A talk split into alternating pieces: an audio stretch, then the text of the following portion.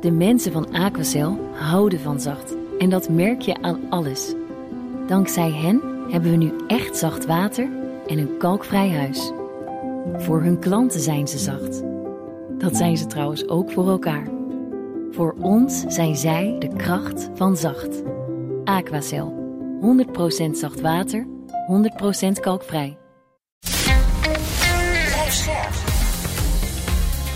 BNR Nieuwsradio. De wereld. Bernard Hammelburg. Welkom bij het beste binnenlandse programma over het buitenland. Straks, Hongarije is akkoord met de 50 miljard euro steun voor Oekraïne. Daarover praat ik met het Tweede Kamerlid Kati Piri, buitenlandwoordvoerder voor GroenLinks PvdA. Maar nu eerst, het is in het Midden-Oosten lange tijd niet meer zo gevaarlijk geweest als nu. Dat zei de Amerikaanse minister van Buitenlandse Zaken Anthony Blinken deze week. I think it's very important to note that this is an incredibly volatile time in the Middle East. Um, I would argue that we have not seen a situation as as dangerous as the one we're facing now across the region since at least 1973, and arguably uh, even uh, even before that. Ik praat erover met Jaap de Hoop Scheffer, voormalig secretaris-generaal van de NAVO en oud-minister van Buitenlandse Zaken. Dag meneer de Hoop Scheffer. Dag meneer Hammelburg, goedemiddag. Als iemand met uh, de functie van Anthony Blinken zoiets zegt, wat denkt u dan? Dan denk ik A, dat hij uh, gelijk heeft, uh, dat het escalatierisico groot is, maar je kunt ook zeggen dat het al behoorlijk is geëscaleerd in het Midden-Oosten. En mijn tweede gedachte daarbij is een wat positievere, dat ik in ieder geval nog blij ben dat de Amerikanen via Blinken, via ook een persoonlijk bezoek van president Biden aan Israël, maar nu Blinken die door de regio reist meerdere malen, eh, probeert nog eh, dat escalatierisico waar mogelijk te dempen. Eh, dus dus eh, geen ander land doet dat. Dus twee gedachten daarover. Uh, eens met Blinken uh, dat de situatie buitengewoon uh, kritiek en, en, en onveilig is. Ja, ja, dat was het uitbreken van de, van de, van de Yom of de Oktoberoorlog destijds. Hè. En wat heeft geleid tot enorme toestanden en zelfs olie, weet het, benzineloze zondagen in Nederland. Dus het was echt een wereldcrisis. Ja, ik herinner me dat nog, uh, nog zeer, uh, zeer wel. Ja. En dat is een vergelijking die wat mij betreft uh, opgaat. Ja. Be begon, be begon, trouwens, een... begon, trouwens, ook op 7 oktober, als ik me wel herinner. Ja, ja, we moeten niet vergeten, meneer Hammelburg, ook in dit half uur, wie deze oorlog is begonnen. Dat is begonnen met de slagpartij van Hamas. en je kunt verder van alles zeggen over alle partijen, inclusief Israël. Maar daar is het, daar is het begonnen. Uh, en de escalatie die erop is gevolgd, uh, is voor ons in Europa gevaarlijk en is voor de bredere wereld gevaarlijk. je kunt wat de Amerikanen betreft nog toevoegen, de eerste vraag betrof Secretary of State Blinken, dat je ook wel merkt dat niet meer zoals dat vroeger toch wel gebruikelijk was, de stem van de Amerikanen onmiddellijk de doorslag gaf. Uh, als je het voorbeeld neemt van de Israëlische uh, premier, die niet naar de Amerikanen wenst te luisteren, daar komen we misschien straks nog wel op. Ja. dan is dat toch iets anders, terwijl de Amerikanen toch de grootste sponsor, militair, politiek, financieel van Israël zijn. Ja, een soort dan zegt dat toch wel wat. Ja, een soort novum. Gaan we inderdaad direct over praten. Um, u zegt terecht. Um, het is uh, gevaarlijk, uh, ook voor de regio. Er ontstaan overal brandhaarden. Uh, bevestigen die uw visie? Is dat waarvan u zegt, kijk, dat is nu waar ik zo bang voor ben? Ja, die bevestigen in die zin mijn visie. Dat, ik heb mij zitten afvragen de timing van die slagpartij van, van Hamas. Waarom nu? En mijn analyse van de, van de algehele situatie uh, is dat uh, de toenadering die bezig was voorzichtig voortgang te maken tussen uh, Saudi-Arabië en Israël, ook weer onder leiding van de Amerikanen, dat dat op een bepaald moment in Teheran, bij de mullahs in Teheran, de theocratie heeft geleid tot de conclusie: dit gaat wel erg goed te goed voor ons. Uh, want wij willen met onze as van het verzet, de axis, of resistance, willen wij uiteindelijk de dominante factor in het Midden-Oosten worden. En dat mag niet zo zijn dat de Amerikanen, de Saudis en de Israëliërs dat, dat, dat worden. Nou, als je dat algehele beeld nou neemt, eh, dan is mijn antwoord op uw vraag: hoe komt het toch dat al die groepen en groepjes uh, actief zijn met aanslagen, raketaanslagen, Houthis, radicale groepen in, in, in Irak, in Syrië? Dan is, wat mij betreft, de geopolitieke achtergrond dit grote conflict om dominantie in die regio. Ja, en zou je dan kunnen zeggen dat Iran dat lijntjes heeft met al die groepen, met Hamas, maar ook met Hezbollah in het noorden, met de Houthi-rebellen? Um, dat die een soort uh, uh, proxyoorlog voeren. Die gebruiken hun proxies en zetten die in tegen Israël en tegen de Verenigde Staten. En ongetwijfeld ook tegen anderen als die het lef hebben om zich ermee te bemoeien. Terwijl ze zelf niet meedoen. Exact. Uh, Iran, de, de, de, de mullahs in Teheran gebruiken uh, die proxies, hè, die, al die gewapende groeperingen van verschillende snit en verschillende achtergrond. In Syrië, eh, in Irak, eh, in Libanon, niet te vergeten met, met, eh, met Hezbollah. omdat, en, en dat is op, op, op dit moment, wat mij betreft, althans nog steeds de situatie, Iran ook niet zelf een volledig conflict, een oorlog met de Verenigde Staten wil riskeren. En, en van hun kant willen de Verenigde Staten dat ook niet. Want vergeet niet, het vindt ook allemaal plaats in de aanloop naar en in de eerste fase van presidentsverkiezingen in de Verenigde Staten. All politics is local, eh, zoals een Amerikaanse speaker van het huis eh, lang geleden al heeft gezegd. En als je kijkt naar, naar Biden enerzijds en de presidentsverkiezingen. En ik maak even de stap naar, naar Netanyahu, de Israëlische premier. Uh, die, laten we zeggen, indien deze oorlog eindigt, dat politiek waarschijnlijk niet zal overleven. Eh, dan heb je dat all politics is local in buitengewoon helder focus. Nou, laten we even, uh, u noemde heel terecht de positie waar Biden in zit, gezien tegen de achtergrond van de verkiezingen, maar ook wel gewoon objectief. Als uh, ja, opperbevelhebber van de krijgsmacht. Hij, hij, moet, hij zit met een aantal dilemma's. Hè. Of, hij, hij zou een rechtstreekse aanval kunnen doen op Iran. En er zijn in het congres, vooral aan de Republikeinse kant, heel veel leden die dat eigenlijk het liefst zien.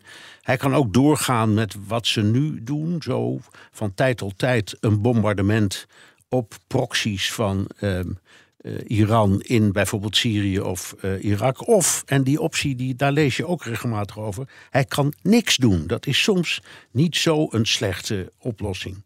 Um, wat, als u nou naast hem zou zitten, wat u eh, in uw carrière een paar keer heeft gedaan, wat zou u hem influisteren?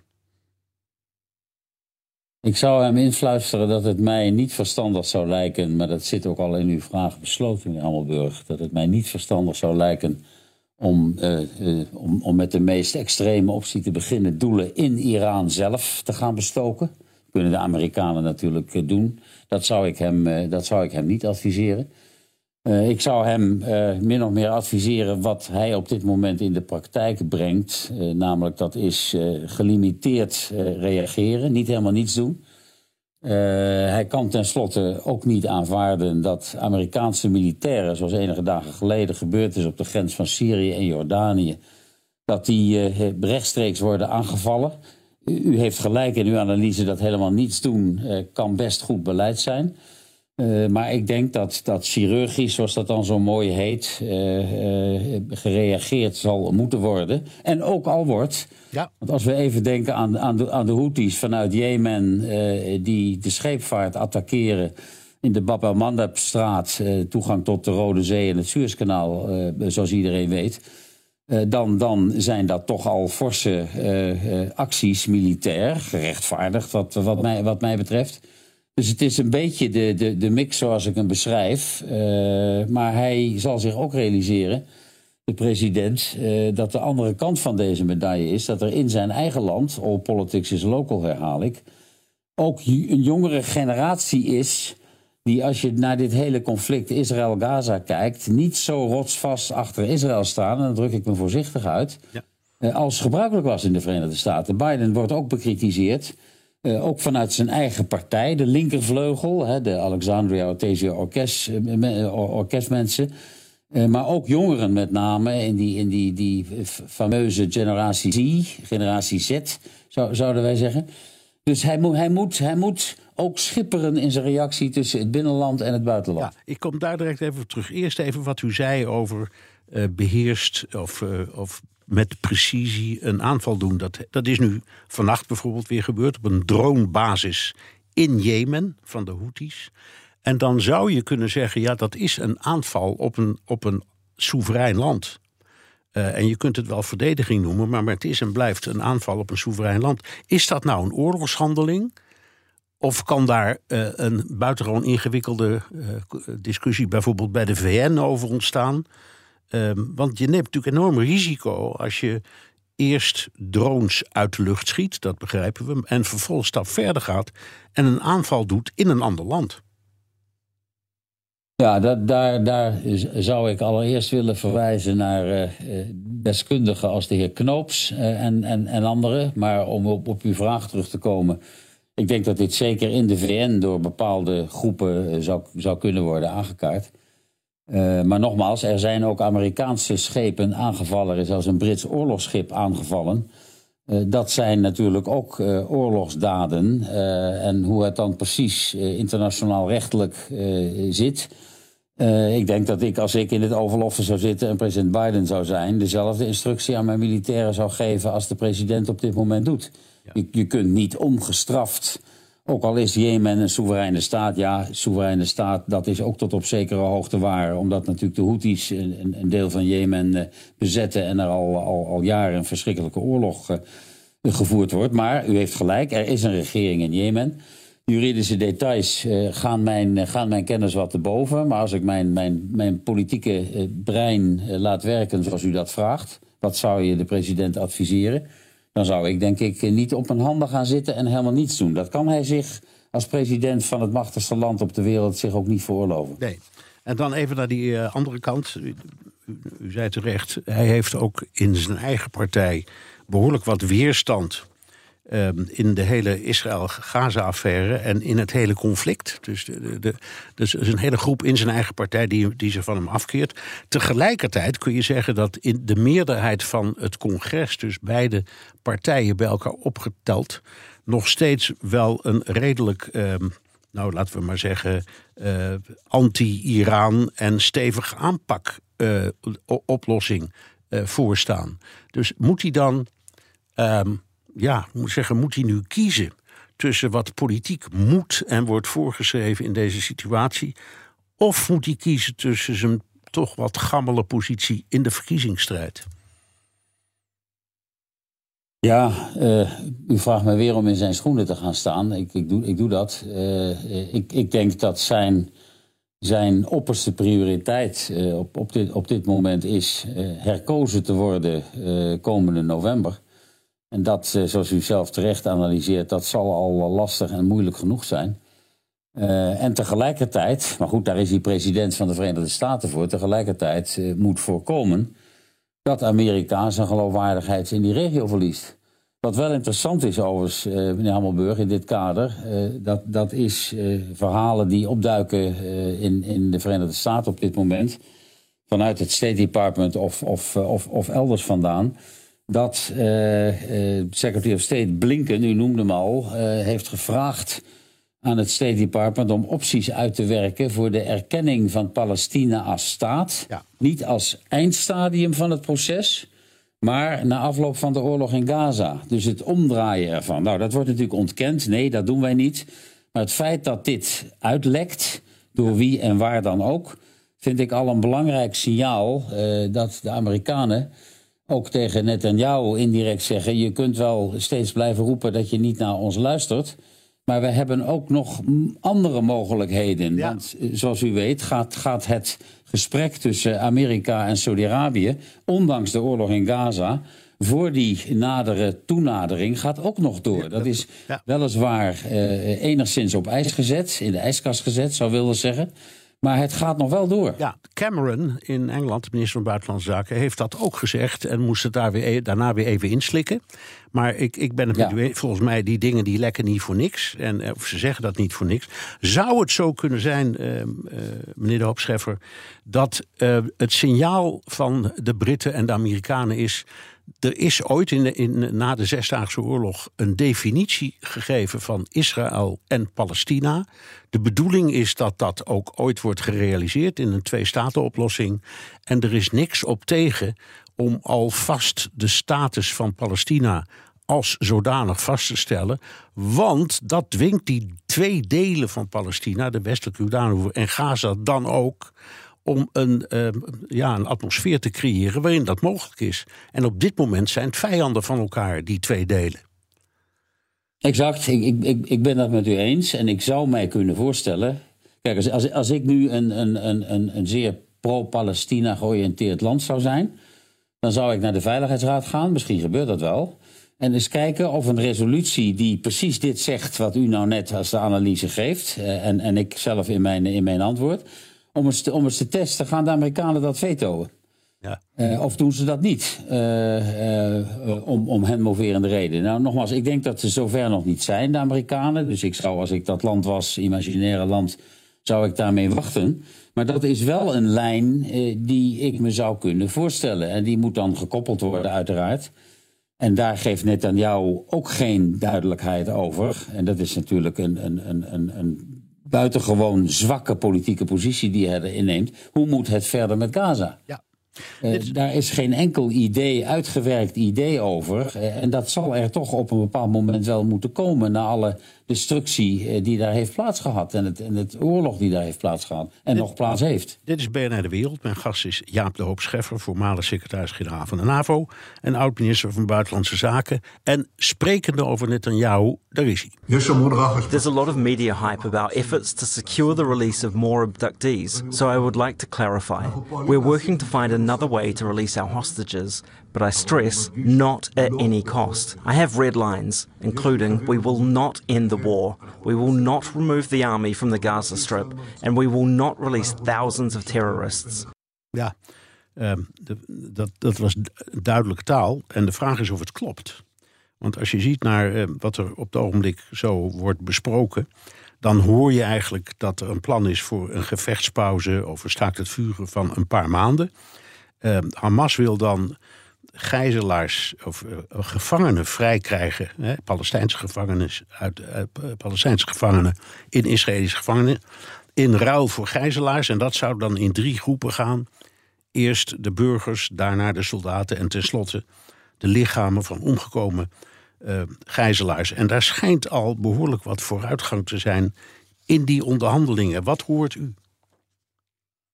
Ik, ik, hoor, ik hoor dat ook. Eh, je, je komt dan al gauw weer in een, in een taalstrijd. Hè? Humanitaire gevechtspauze, pauzes, eh, meervoud, eh, staakt het vuren. Dat, dat zal moeten worden, worden opgelost. Ik hoor wat u zegt ook, meneer Hammelburg.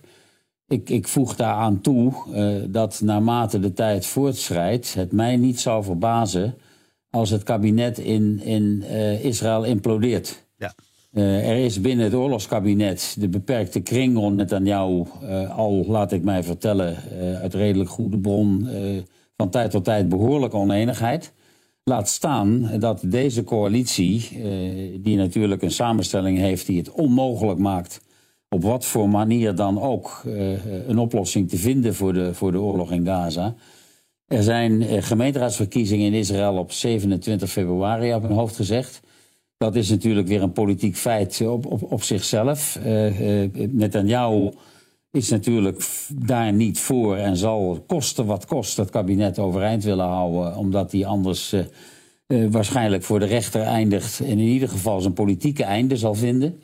Maar ik, ik, ik kan mij niet voorstellen dat deze politieke constructie, deze coalitie in Israël, eh, het, het, eh, het einde van dit jaar, of misschien moet ik zelf zeggen de zomer haalt. Ja, ja. U, Nou, noemt, dat- ja, u, noemt eh, de spanningen in, eh, in dat oorlogskabinet. Er is één verhaal, dat is gewoon via een openbaar interview naar buiten gekomen. Gadi Eisenkot, oud-opperbevelhebber van de krijgsmacht... die zelf in deze oorlog een zoon heeft verloren...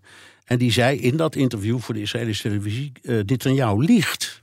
We kunnen dit helemaal niet winnen. We moeten naar een wapenstilstand en we moeten ons totaal toeleggen op het uh, vrijkrijgen van uh, de gijzelaars.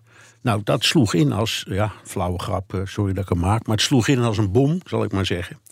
Um, ziet u dat, ik zie het wel van zo, ziet u dat ook als uh, de gammele positie die hij in het binnenland heeft?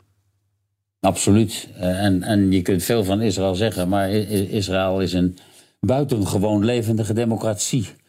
Natuurlijk in het, gelegen in een gebied waar geen andere democratie in de verste verte te bespeuren is, maar dat, dat even terzijde. Israël is een, is, een, is een vibrant democracy, zoals de Engelsen zouden zeggen.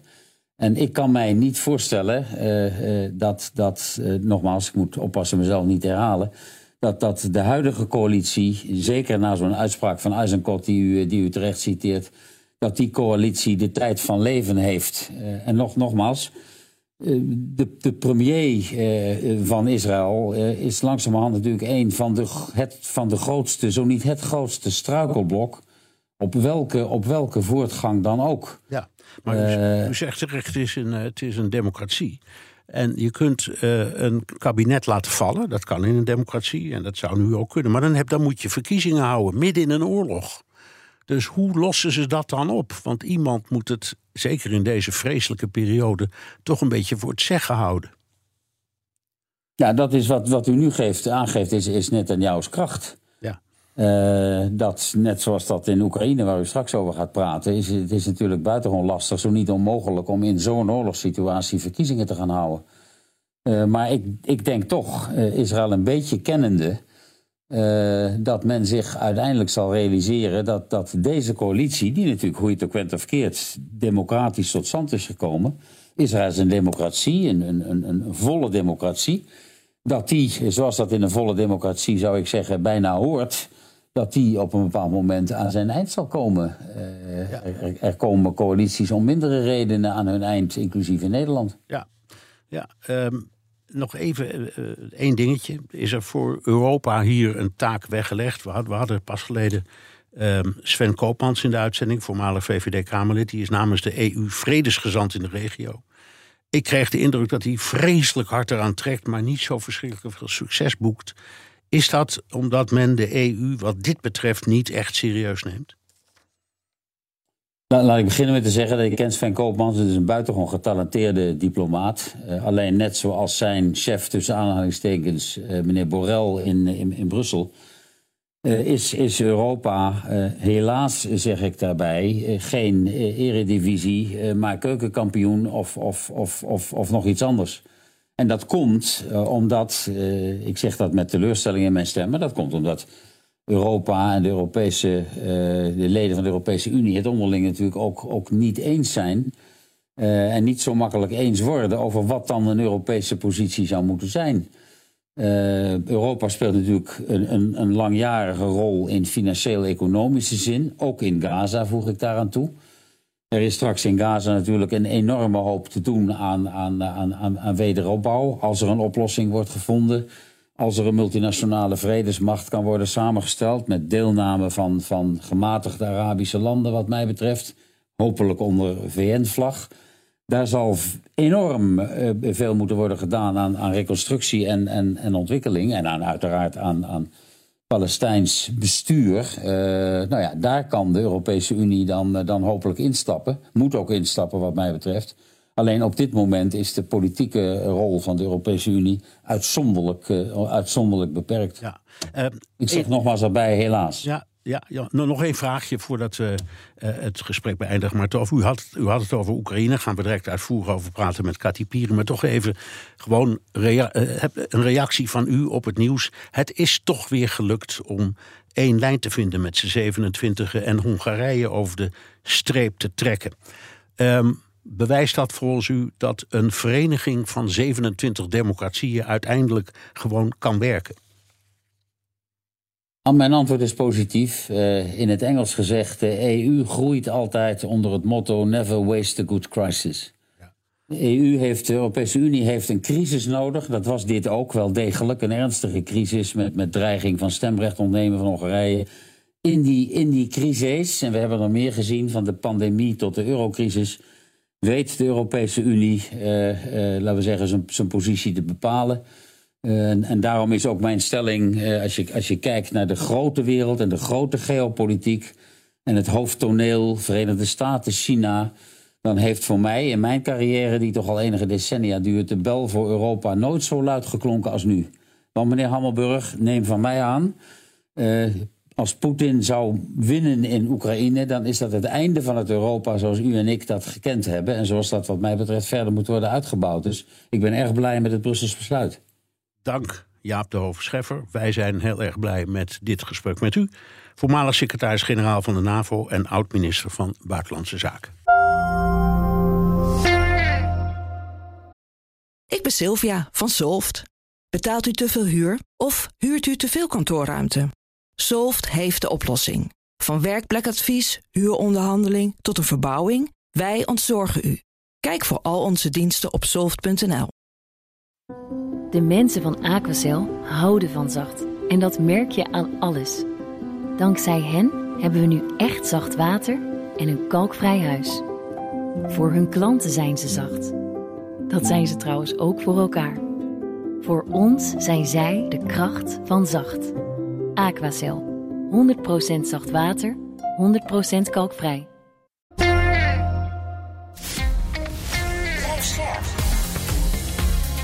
BNR Nieuwsradio. De wereld. Bernard Hammelburg. Witte rook in Brussel. Ook Hongarije is akkoord met het steunpakket ter waarde van 50 miljard euro voor Oekraïne. Voor oud-generaal der landstrijdkrachten Marten Kruijf is de manier waarop wel een verrassing. Nou, dat ze dat zouden doen niet, maar dat het zo snel gaat en eigenlijk voor de vergadering formeel begint. Ja, uh, toch wel een beetje verrast. Met Kati Piri, buitenlandwoordvoerder voor GroenLinks PvdA in de Tweede Kamer. Dag mevrouw Piri. Goedemiddag. Uh, in december konden de EU-lidstaten het niet eens worden over dit deel van de steun aan Oekraïne. Wel werd er gestemd voor het starten van toetredingsonderhandelingen met Oekraïne tot de EU. En vandaag waren ze er al boem in één keer uit. Wat is hier gebeurd? Ja, ik zat, uh, ik zat helaas niet aan tafel. Maar ik denk dat je, dat je ziet dat uh, Viktor Orbán elke keer eigenlijk zijn hand uh, inmiddels enorm aan het overspelen is. Hè. De afgelopen week zagen we ook op het NAVO-terrein. Hongarije is het laatste land nu nog wat blokkeert wat, dat Zweden kan toetreden tot de NAVO. Uh, en met grote bravoure uh, heeft hij, nadat de Turken hadden aangegeven, uh, wij gaan akkoord. Dus eindelijk dacht iedereen, nou, dan zijn we er toch. Oh nee, we hebben ook nog Budapest ging hij via Twitter de Zweedse premier uitnodigen voor een bezoek aan Budapest. Om met hem te onderhandelen over dat Zweedse NAVO-lidmaatschap. Ja. Nou, hij kreeg de cold shower, oftewel, uh, dat gaan we niet doen. En dat was eigenlijk natuurlijk ook uh, um, uh, ja, heel erg het gevoel binnen de EU. Daar hebben we weer Viktor Orbán, die als laatste weer van alles en nog wat moet. Ja. dus ik denk dat hij doorhad dat hij te vers gaat. Ja, ja, ja, nou, hij zei ook, wacht even, het moet ook nog door mijn parlement. En het parlement was met reces. Dus dat zou pas in februari gebeuren. Dus Zweden is nog steeds niet uh, belangrijk. Even over deze kwestie. Ik, ik weet het simpelweg niet. U misschien wel. Moet uh, deze uh, toezegging aan Oekraïne bij in, in, in Boedapest ook door het parlement? Nee, dat hoeft het niet, want het gaat uh, om eigenlijk middelen eh, vanuit het EU-budget. Daartoe is nu besloten. Uh, sterker nog, een van de scenario's natuurlijk, als Hongarije niet had ingestemd, dan hadden 26 landen het buiten de EU-begroting moeten doen. En dan had bijvoorbeeld ook de Nederlandse Tweede Kamer daar nog apart over moeten instemmen, net als alle 25 andere parlementen.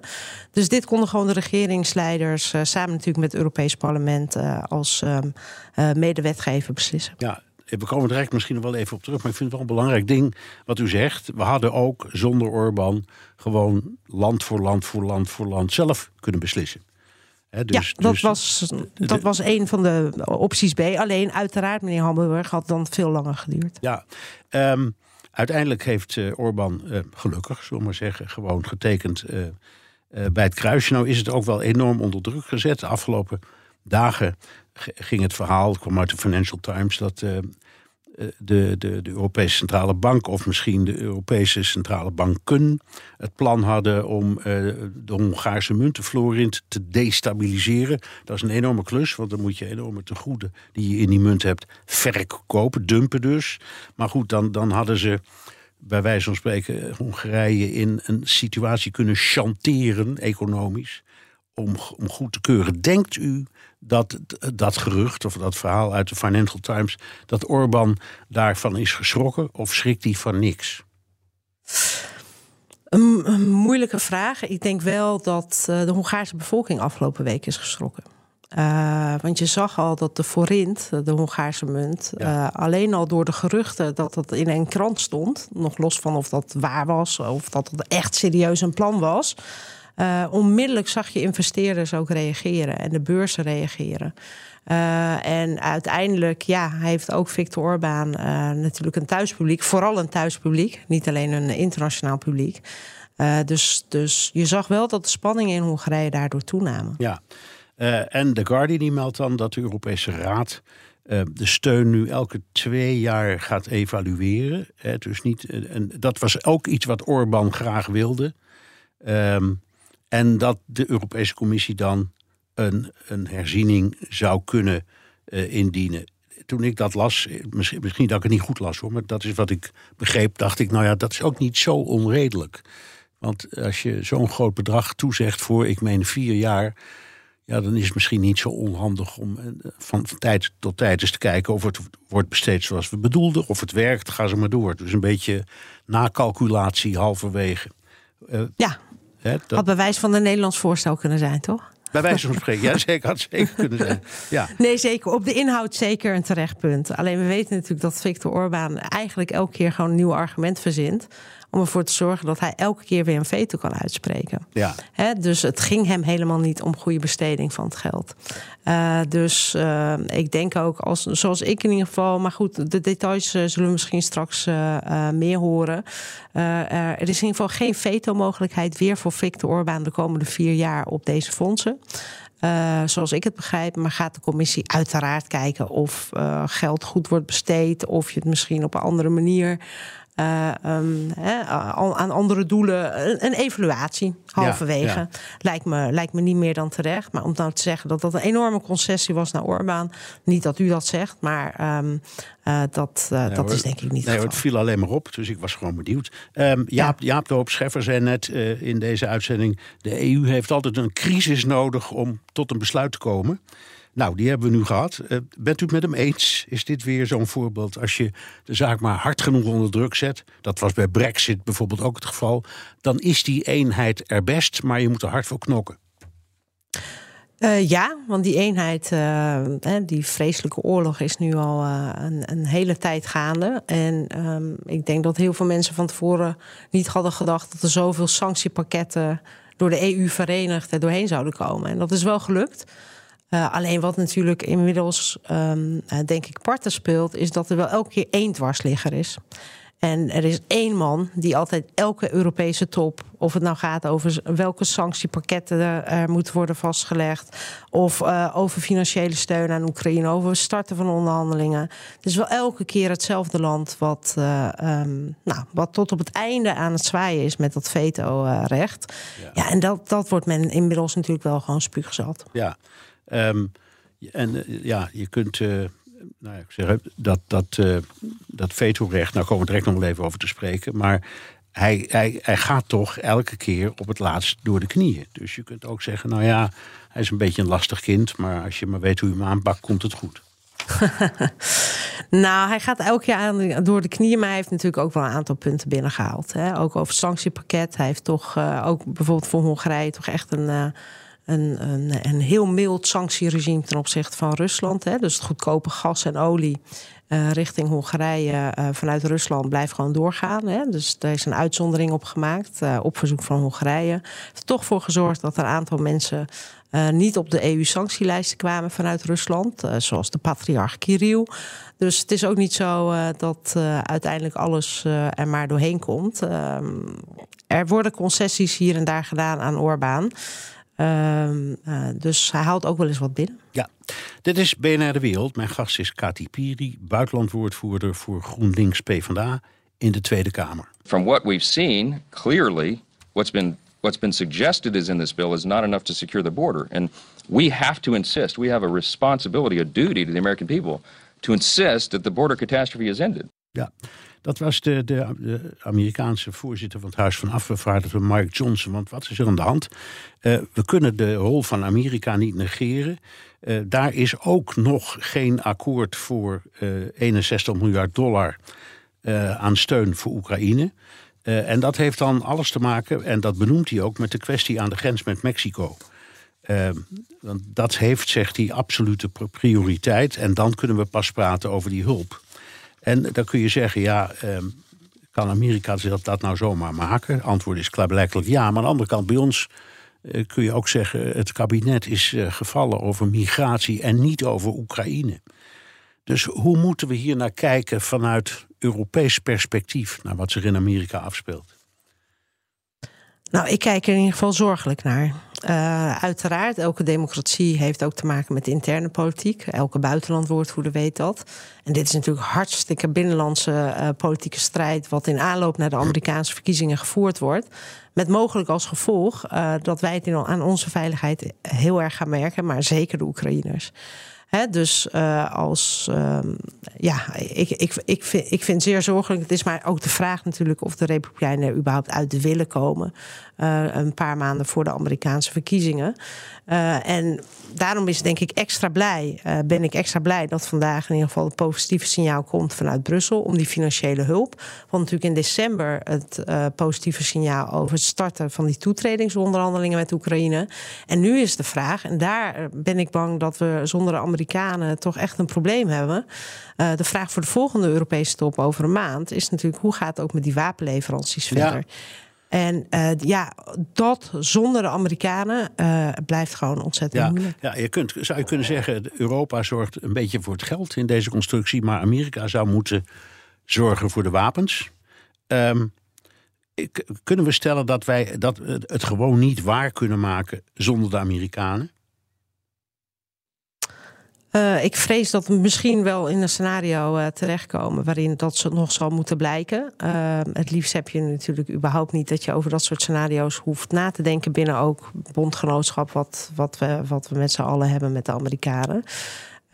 maar het wordt moeilijk. Je ziet eigenlijk een van de grote landen in de EU die, denk ik, echt heel veel levert, is Duitsland. Het is ook duidelijk, het is na de Amerikanen de grootste leverancier, ook voor militaire hulp. Maar je ziet een aantal andere grote EU-landen die toch uh, iets verder af liggen, ook van uh, Oekraïne. Uh, die wel hele grote woorden hebben, zoals bijvoorbeeld de Franse president. Maar uiteindelijk militair gezien gewoon heel weinig, heel weinig leveren aan Oekraïne. En dat is een probleem. Ja, dus het antwoord is: nee, we kunnen eigenlijk niet buiten de Amerikanen. Er moet, er, moet, het wordt heel moeilijk zonder hen. Wordt heel moeilijk. nou, even terug naar Europa. Op dit moment is België voorzitter van de EU. Ja. Uh, de volgende voorzitter vanaf deze zomer is Hongarije. Uh, daar zijn zorgen over binnen de Unie. Kan dat de steun aan Oekraïne verder in gevaar brengen? Um, kijk, het is, um, het is niet zo dat, de, dat het land wat zes maanden lang het uh, voorzitterschap heeft van de EU alles kan bepalen dus uh, sinds we de functie ook hebben van uh, de voorzitter van de raad, uh, een speciale functie, nou dat is Jean-Michel, die bepaalt in principe natuurlijk gewoon de agenda van die raad. je kunt wel in lopende dossiers of onderhandelingsdossiers heel veel invloed hebben, ehm, maar die zijn er wat minder. Um, in ieder geval niet vanuit de wetgeving, niet vanuit de commissie, niet vanuit het parlement, omdat we natuurlijk die Europese verkiezingen ingaan. Maar voor mij het nachtmerriescenario is in juni uh, toch de Orbán-krachten uh, die een flinke winst kunnen boeken bij de Europese verkiezingen. In november um, um, nou, aan de an andere, kant van de oceaan een uitslag uh, dat Trump weer terug is in het Witte Huis. En de EU wordt in die periode dan voorgezeten formeel door Viktor Orbán. Dus ik denk dat het heel erg afhangt van deze twee ontwikkelingen, wat voor voorzitterschap we van Hongarije gaan zien. Ja, het is, uh, het, het is inderdaad nou, het is niet zo'n opwekkend beeld. Um, nee, maar het hoeft niet te gebeuren, hè? Nee, nee, dat Ze worden wel voorzitter, maar die twee andere zaken kunnen nog gered dat worden. Het kan allemaal nog anders lopen. Uh, nog even over uh, Hongarije, want de, de, de, de, kwesties waarover Hongarije straf heeft of had of zou kunnen krijgen van de EU um, over hun uh, zeggen, de, de rechtsstaat zoals die functioneert of niet functioneert, vinden wij in Hongarije. daar wordt dan voortdurend gesproken over het afnemen van het stemrecht via een zogenaamde genaamde artikel 7 procedure. Is dat nou een goed plan? Nou ja, ik heb nog geen beter plan gehoord. Dus uh, het probleemkind Victor Orbán is niet nieuw. Daar hebben we nu inmiddels volgens mij 13 jaar mee te maken. En we zien eigenlijk ook hoe hij constant ehm, de democratie in Hongarije uitholt. het Europese parlement heeft de eerste keer dat het Europese parlement dat heeft gedaan bij een land in 2018. Mijn collega Judith Sargentini heeft de zogenaamde artikel 7 procedure uh, gestart. Dat kan de Raad zelf doen, dus de regeringslijst, maar ook het Europees Parlement. En dat, dat is gestart in 2018. Alleen, um, uh, ja, er zit geen einddatum aan. En je ziet binnen de, onder de regeringsleiders wordt die hete aardappel eigenlijk elke keer maar gewoon een beetje uh, doorgespeeld. Uh, want niemand wil eigenlijk, eigenlijk wil niemand het liefst het aan laten komen op zo'n stemming. Dus we zijn vijf en een half jaar verder. Orbán is er niet democratischer door geworden. en die artikel 7 procedure is nog steeds niet in stemming gebracht in de nee. Nee, loopt er ook nog een rechtszaak van het Europese parlement over Hongarije. Uh, tegen de commissie, omdat Hongarije ja. toch 10 miljard aan bevoren te goede krijgt. En daar heeft uw partijgenoot Thijs Reuten behoorlijk tegen gestreden. Hebt u uh, de indruk dat de commissie het niet zo ver laat komen en zwicht? Zwicht voor het Europees Parlement. Ja. Um, uh, nee, want het geld wordt zelfs al volgens mij in porties vrijgegeven aan Hongarije. Kijk, het is de vraag. Um, we hebben heel lang gestreden in, in, in Brussel, ook nog toen ik daar zat, om überhaupt het geven van Europese subsidies, om daar een link, een, um, dat het gelinkt is aan respect voor de rechtsstaat. Nou, daar is het zogenaamde rechtsstaatmechanisme uitgeboren. Uh, op basis daarvan uh, zijn een aantal miljarden subsidies voor Hongarije uit het cohesiefonds zijn bevroren. En um, nou, ik denk dat het um, iedereen op is gevallen dat die uh, tegelijkertijd met dat Viktor Orbán maandenlang dreigde om geen geld te geven aan Oekraïne niet te starten met de onderhandelingen, Toevallig, net op dat moment, vond de commissie ook dat Victor Orbán best nu inmiddels aan een aantal van die voorwaarden had voldaan. En dat de helft van die bevroren gelden konden worden vrijgegeven. Dus op zijn minst is de timing wel uh, uh, verdacht. Ja. Dus als je een rechtsstaatprocedure hebt, hou je dan ook aan die rechtsstaat. Ja. En ga dat niet vermengen met andere zaken. Nee, want dan heb je op zijn minst de schijn tegen en waarschijnlijk ook de waarheid. Uh, we hebben het vandaag over Europese steun. maar dan moeten we ook even naar Nederland kijken. U noemde al uw vrees voor de veranderingen in Amerika. Uh, de macht van uh, Orbán die blijft. Maar we hebben ook in, in, in Nederland uh, ja, we hebben een formatie, VVD en NSC. maken zich hard voor, voor steun aan, aan Oekraïne. PVV staat niet bepaald bekend als warm voorstander. BBB-Kamerlid Mona Keizer vroeg zich deze week af of Oekraïnse vluchtelingen niet terug kunnen naar sommige delen in Oekraïne. Ja, vrij schandalen. Ja, kortom, maakt u zich zorgen over de Nederlandse steun? Nou, um, uh, ja en nee. Het, het, antwoord was natuurlijk eh, voor de verkiezingen. We wisten eigenlijk wie deze verkiezingen ook zou winnen. Er is gewoon een hele brede politieke steun vanaf het begin van deze oorlog. Of je nou in de oppositie zat, zoals mijn partij, of in de coalitie.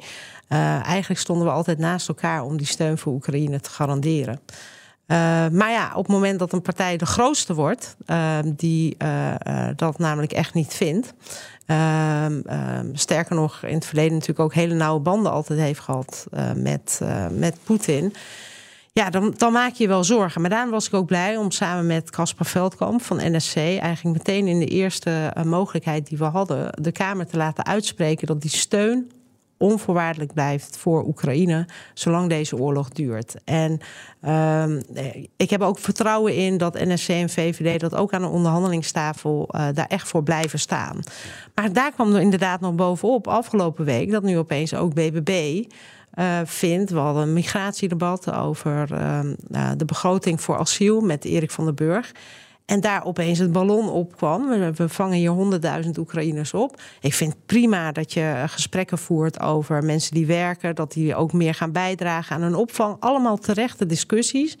Maar de illusie wekken dat wij nu uh, misschien wel weer mensen moeten terugsturen, verplicht naar Oekraïne, waarvan we weten dat het daar niet veilig is. Ja, ik, ik, ik had er eigenlijk geen woorden voor. Nee. Nou, uh, ik zou zeggen, dan is dit een prachtig moment om het gesprek te beëindigen. Dank Kati Piri, buitenlandwoordvoerder voor GroenLinks, PvdA, in de Tweede Kamer. Postma in Amerika. Tijd voor het Amerikaanse nieuws door de ogen van onze correspondent in Washington, Jan Postma. Jan, jij bent deze week in South Carolina, onder meer voor de eerste democratische primary, die daar zaterdag is. Biden is natuurlijk de favoriet. Het is voor de andere kandidaten niet makkelijk om tegen hem op te boksen. De ene tegenstrever, Marianne Williamson, die heeft het al wat opgegeven volgens mij. En de ander, Dean Phillips, uh, die haalde 20% in New Hampshire. Die primary die niet meetelde voor de Democraten. Uh, Phillips is in South Carolina echt heel energiek aan het campagne voeren. Ik kan niet anders zeggen. Uh, nam ook de tijd voor ons. je gaat hem nog horen in, in de podcast. En, en hij was ook op BNR te horen. Hij is steeds heel hoffelijk. Zegt ik heb heel veel respect voor Biden. Maar hij gaat dit echt niet redden tegen Trump. dus er moet wat gebeuren. Maar het is echt vechten de bierkaai voor hem. Alles hier is gericht op Biden. Alles binnen de partij. Uh, er was zaterdag een groot campagne-evenement uh, voor de Democratische Partij. Vanwege die primary. Uh, daar was ik ook bij. Biden was de hoofdspreker. Dean Phillips mocht als tegenkandidaat ook spreken. Maar wel in het voorprogramma. Toen iedereen nog zijn plekje zocht of bij de bar stond. Dus echt niemand luisterde. You know what, everybody? Can I have your attention for just a minute? We're all Democrats. Got a lot of speakers tonight, and I know what it's like when no one's paying attention. I would ask for just about two of your minutes. I would just be grateful and afford the same respect to everybody who's up here. Thank you. Ja, en dan moet je je voorstellen, hij was net zijn persoonlijke verhalen aan het vertellen. Hoe zijn vader in de Vietnamoorlog is omgekomen, hoe die geadopteerd is. Dus echt, nou, hij heeft een mooi campagneverhaal hoor. Maar niemand luisterde dus. En, en dit moment valt de eenzaamheid op dit moment voor Dean Phillips wel samen. Uh, wie willen naar mij luisteren? Uh, eigenlijk iedereen die direct bij die primary betrokken is, zeg maar het, het, het wat fanatiekere democratische publiek, die staan achter Biden. Uh, die Phillips is al weken op volop campagne, doet dat bijna in zijn eentje. En voor Biden ondertussen de hele partijtop is hier. Uh, de voorzitter, congresleden, de gouverneur van Californië, Gavin Newsom, ook lokale mensen. Uh, ik was die avond ook op zoek naar Dean Phillips stemmers bij dat evenement. Ik vond iemand aan de tafel van Dean Phillips, bleek de man van een vrijwilliger van de campagne te zijn. En die begon met een gloedvol betoog voor Biden. Dus dan weet je het wel. Ja. Dean Phillips wordt uh, wel geholpen door een oude bekende, Andrew Yang. Ja, die kandidaat uit 2020, hè, ook uit de primaries bij de Democraten. Tech-ondernemer met originele, maar eh, niet altijd even haalbare ideeën. Kwam er ook niet eh, ver tegen Biden toen. Hij is nu een surrogate, dus zo'n hulpje die campagne voert voor een kandidaat. Nu dus voor Dean Phillips. En Yang, ja, die, die was gefrustreerd. Uh, dit is op datzelfde evenement. Uh, hij legt uit dat Biden het steeds heeft over het redden van de democratie. Maar dat hij eigenlijk zelf het systeem in deze primaries helemaal naar zijn hand heeft gezet. Wat, alles behalve democratisch is. So the, Democratic Party and Joe Biden himself is making the case that this election is about democracy. Meanwhile, they've been stifling the democratic process uh, themselves by canceling the primaries in Florida and North Carolina, um, and, by having, uh, in, in, many ways, a show primary in, in various locations. Uh, that's why Dean Phillips' run is so important. If you actually believe in democracy, you want there to be a real competition. Ja, harde kritiek dus van, van Yang noemt het een show primary, een nep primary. Uh, hij heeft natuurlijk een duidelijk belang. Hè? Hij zegt dit ook voor zijn kandidaat. Maar ik vind het wel heel interessant, omdat hij heel hard uitspreekt wat anderen in die Democratische Partij eigenlijk niet willen horen of zien. Uh, of eigenlijk maar heel voorzichtig willen zeggen. Ja, Yang waarschuwt ook, hierdoor kunnen Democraten de verkiezingen verliezen. Ja, nog zo'n harde boodschap uh, die niet iedereen uh, wil horen. Uh, hij waarschuwt eigenlijk voor een Hillary Clinton-achtig scenario, 2016, waarbij de partij eigenlijk oplegt wie gekroond wordt. Dus geen ruimte voor een andere, partij, voor een andere kandidaat. Maar waarna dan blijkt ja, dat de kiezers er eigenlijk helemaal niet op zitten te wachten op die kandidaat. hij zegt er is eigenlijk geen eerlijke keuze nu ook, omdat Biden gewoon geen ruimte laat voor, voor een eerlijke strijd. daardoor doen grotere namen ook niet mee. Die wachten allemaal tot de volgende verkiezingen. En dan zegt een beetje dramatisch, dat kan wel eens te laat zijn. The fact that we are setting up not just this country but the world for a return to Donald Trump to the White House is irresponsible. The DNC, if they had a proper competitive process with debates uh, and challengers, would have a much greater chance of soundly defeating Donald Trump in the fall. Imagine if this primary on the stage behind me today was not just Joe Biden and Dean Phillips, but Gavin Newsom, J.B. Pritzker, uh, Gretchen Whitmer, all the people that we know want to run for president, they are all missing their moment. The country needs them now. They're all waiting for 28. What is left for us in 28 after Trump returns in 25? Ja, uh, nogmaals, hij heeft hij natuurlijk eigen belang bij. Het is zijn kandidaat die op moet boksen tegen Biden. Maar in één ding heeft hij sowieso helemaal gelijk. Uh, als inderdaad Biden het bij één termijn had gehouden... dan hadden al die namen die Yang hier noemt uh, het vast geprobeerd... en dan had dat veld er nu heel anders uitgezien. Hadden we echt heel andere primaries gehad. En sowieso een andere kandidaat. Dank, Jan Postma, correspondent in Washington. Wilt u meer horen over het fascinerende land? Luister dan naar de Amerika-podcast van Jan en mij. En tot zover BNR De Wereld. Terugluisteren kan via de site, de app, Spotify of Apple Podcasts. Reageren kan via een mailtje naar dewereld.bnr.nl. Tot volgende week.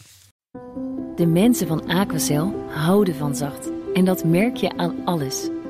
Dankzij hen hebben we nu echt zacht water en een kalkvrij huis. Voor hun klanten zijn ze zacht. Dat zijn ze trouwens ook voor elkaar. Voor ons zijn zij de kracht van zacht.